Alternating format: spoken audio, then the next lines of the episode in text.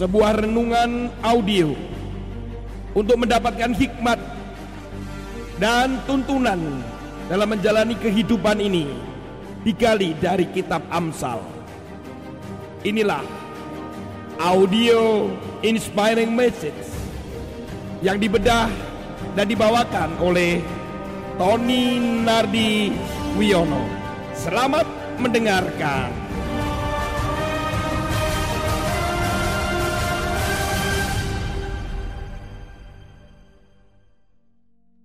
Shalom Bapak Ibu sekalian.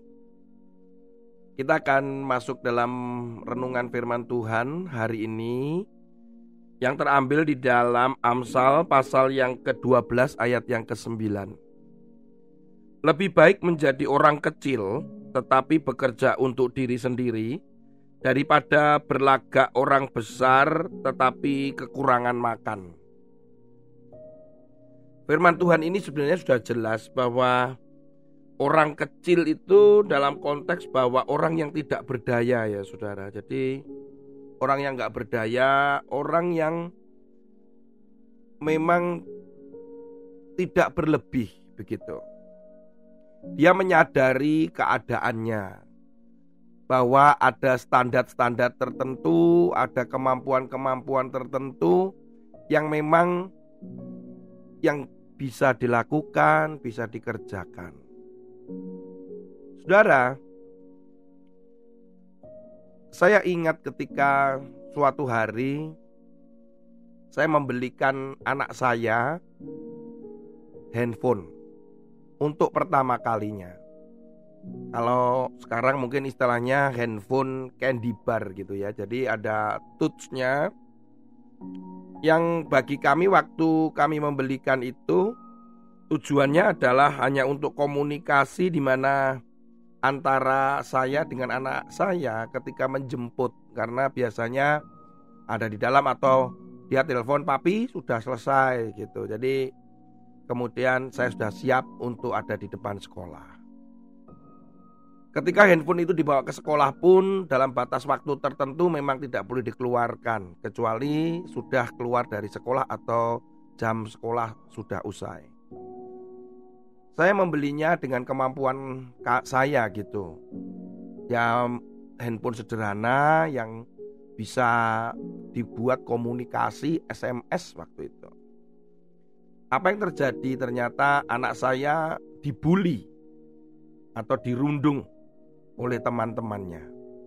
Karena memang handphone yang tidak bermerek, sederhana, layarnya biasa, dan ternyata itu handphone apa?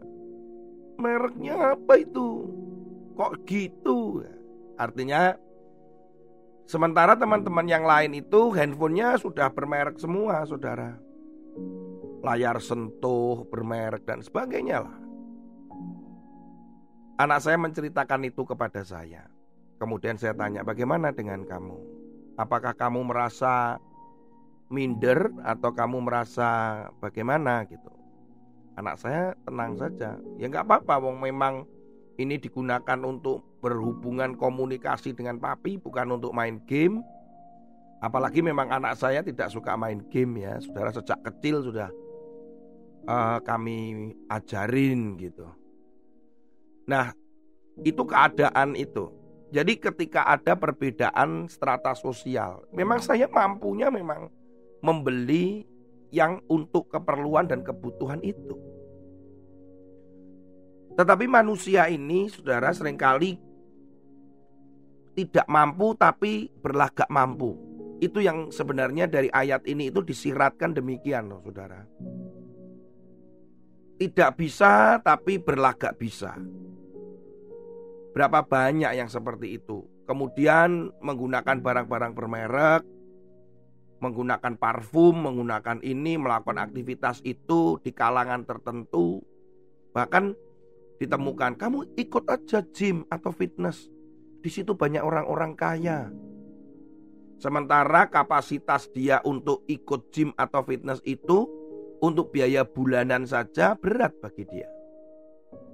Tapi dipaksakan supaya ada dalam komunitas yang memiliki strata ekonomi lebih, menaikkan gengsi. Saudara firman Tuhan hari ini berkata bahwa kita tampil apa adanya. Jangan terlalu banyak bergaya gitu loh maksudnya saudara. Ya sebatas itu ya mampu ya mampu gitu. Berbeda dengan keadaan yang bergaya tetapi bergayanya lebih lucu sekali. Bergaya miskin. Ada, ada saudara. Di Jawa Timur ini ada kampung bernama Pragaan Daya. Desa Pragaan Daya di daerah Sumeneb, Madura. Kampung ini dikenal dengan kampung pengemis. Sudah puluhan tahun saudara dan turun temurun sampai hari ini 80% penduduknya itu adalah pengemis. Tetapi jangan kaget ketika kita berada di sana tidak akan pernah ditemukan rumah gubuk. Mereka cukup mampu, bahkan ada beberapa keluarga yang menyekolahkan anaknya di perguruan tinggi bahkan di kedokteran loh saudara. Dari sebuah survei penelitian itu banyak hal-hal yang mengejutkan. Profesi pekerjaannya apa? Pengemis. Pemerintah daerah sudah berusaha untuk mengangkat mereka supaya tidak bekerja sebagai pengemis, tetapi selalu gagal.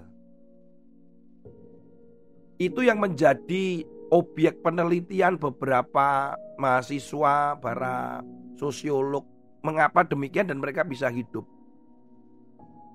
Dan sampai hari ini yang muda-muda itu berprofesi pengemis itu di luar Sumeneb, di luar Madura, bisa sampai ke luar pulau, ada yang di Kalimantan, ada yang di Sumatera, di Bali.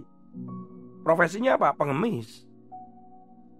Yang mereka sudah tua atau sudah tenaganya berkurang, mereka biasanya di kota-kota dekat saja dengan Madura. Sidoarjo, Surabaya, begitu saudara. Dari 3.500 kakak dengan penduduk 1.500an itu 80% mereka semua pengemis.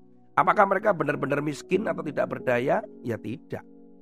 Mereka berpura-pura miskin dengan mengemis di kota-kota. Ini beda lagi. Sebenarnya saudara mau diangkat seperti apa pun karena mentalnya memang demikian. Ya itu memang profesi ini menjadi satu objek penelitian yang sampai hari ini masih ada. Kembali lagi saudara kepada topik kita hari ini. Belajarlah untuk kita bersama-sama itu untuk jujur dengan diri kita sendiri bahwa kemampuan, kekuatan kita itu tidak dipaksakan untuk masuk dalam kondisi yang memang kita sebenarnya nggak mampu. Tetapi ada yang pura-pura juga, pura-pura nggak mampu tapi padahal mampu. Ya intinya adalah apa adanya lah. Saudara harus katakan dan nyatakan itu. Jangan menutupi dengan topeng-topeng kita. Karena di ayat itu juga dikatakan ada orang yang berlagak orang besar tetapi kekurangan makan. Demi gengsi. Bahkan saya ada cerita dari teman juga bagaimana rekan-rekan saudara kita di Manado misalkan nggak punya rumah itu nggak apa-apa, yang penting punya mobil. Bahkan ada seorang teman yang menceritakan rekannya bahwa mereka itu hanya ngekos, nggak punya rumah tapi mobilnya bagus sekali. Penting gengsi. Bahkan ada yang menginap di mobil. Yang penting gengsi. Gitu. Kasihan, kenapa? Karena hidupnya dengan topeng yang padahal akhirnya membawa dia pada penderitaan demi penderitaan. Harus menjaga gengsi itu berat, saudara. Yang kedua yang kita harus pelajari adalah orang yang kecil itu adalah orang yang lemah. Dikatakan itu kan orang yang lemah gitu.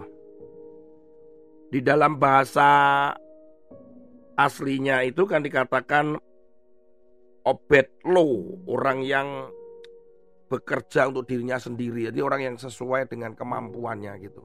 Tapi saya akan melihat dari sisi yang lain yaitu ketika melihat di Matius pasal 5 ayat yang ketiga.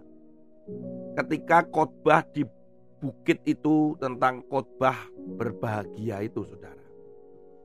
Dikatakan di dalam firman Tuhan, berbahagialah orang yang miskin di hadapan Allah karena merekalah yang empunya kerajaan sorga. Saya pernah membahas ini di episode-episode yang lalu. Orang miskin itu adalah orang yang ekonominya, politiknya tidak berdaya. Secara ekonomi dan politik tidak berdaya. Itu kalau kita lihat dari bahasa Ibraninya, Ya, jadi sebenarnya kan bahasa Yunani ya, Saudara. Bahasa Yunaninya itu sebetulnya adalah tokos. Tapi dalam bahasa Ibraninya itu adalah aini. Nah, sebenarnya ini dalam konteks bahwa memang miskin, dia nggak berdaya, nggak mampu. Orang yang dikatakan miskin tidak mampu itu di dalam arti bukan secara jasmani, sebenarnya konteks itu ketika Yesus mengatakan itu secara rohani. Miskin rohani.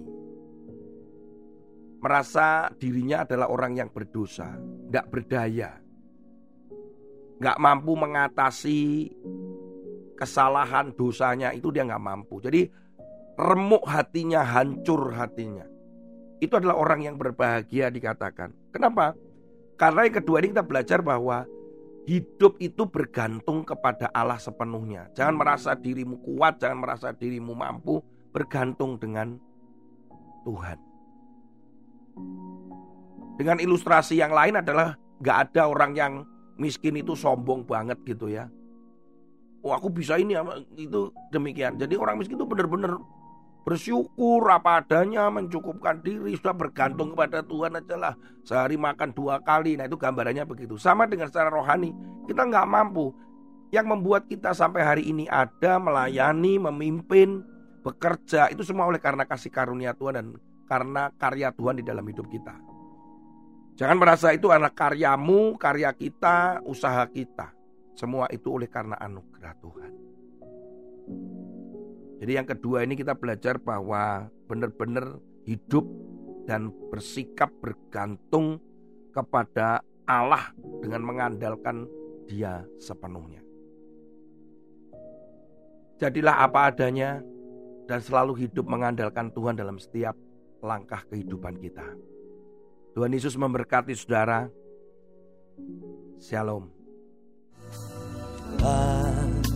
Ku buka mataku dan lihat wajahmu Ku terkagum bila ku lihat hidupku dan karya tanganmu Ku tersanjung karena semua yang baik dalam hidupku. Itulah karyamu. Kau beri kesempatan yang semuanya katakan. Dan ku ingin mengenalmu lebih dalam dari semua yang ku kenal. Tiada kasih yang melebihimu. Ku ada untuk menjadi penyembah. Oh,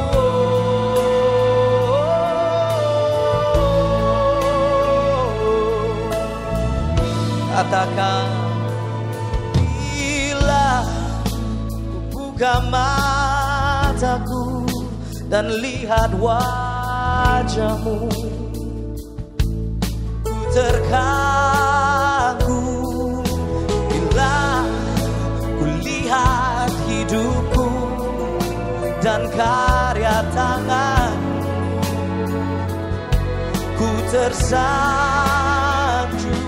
karena semua yang baik dalam hidupku. Karyamu. Kau beri kesempatan yang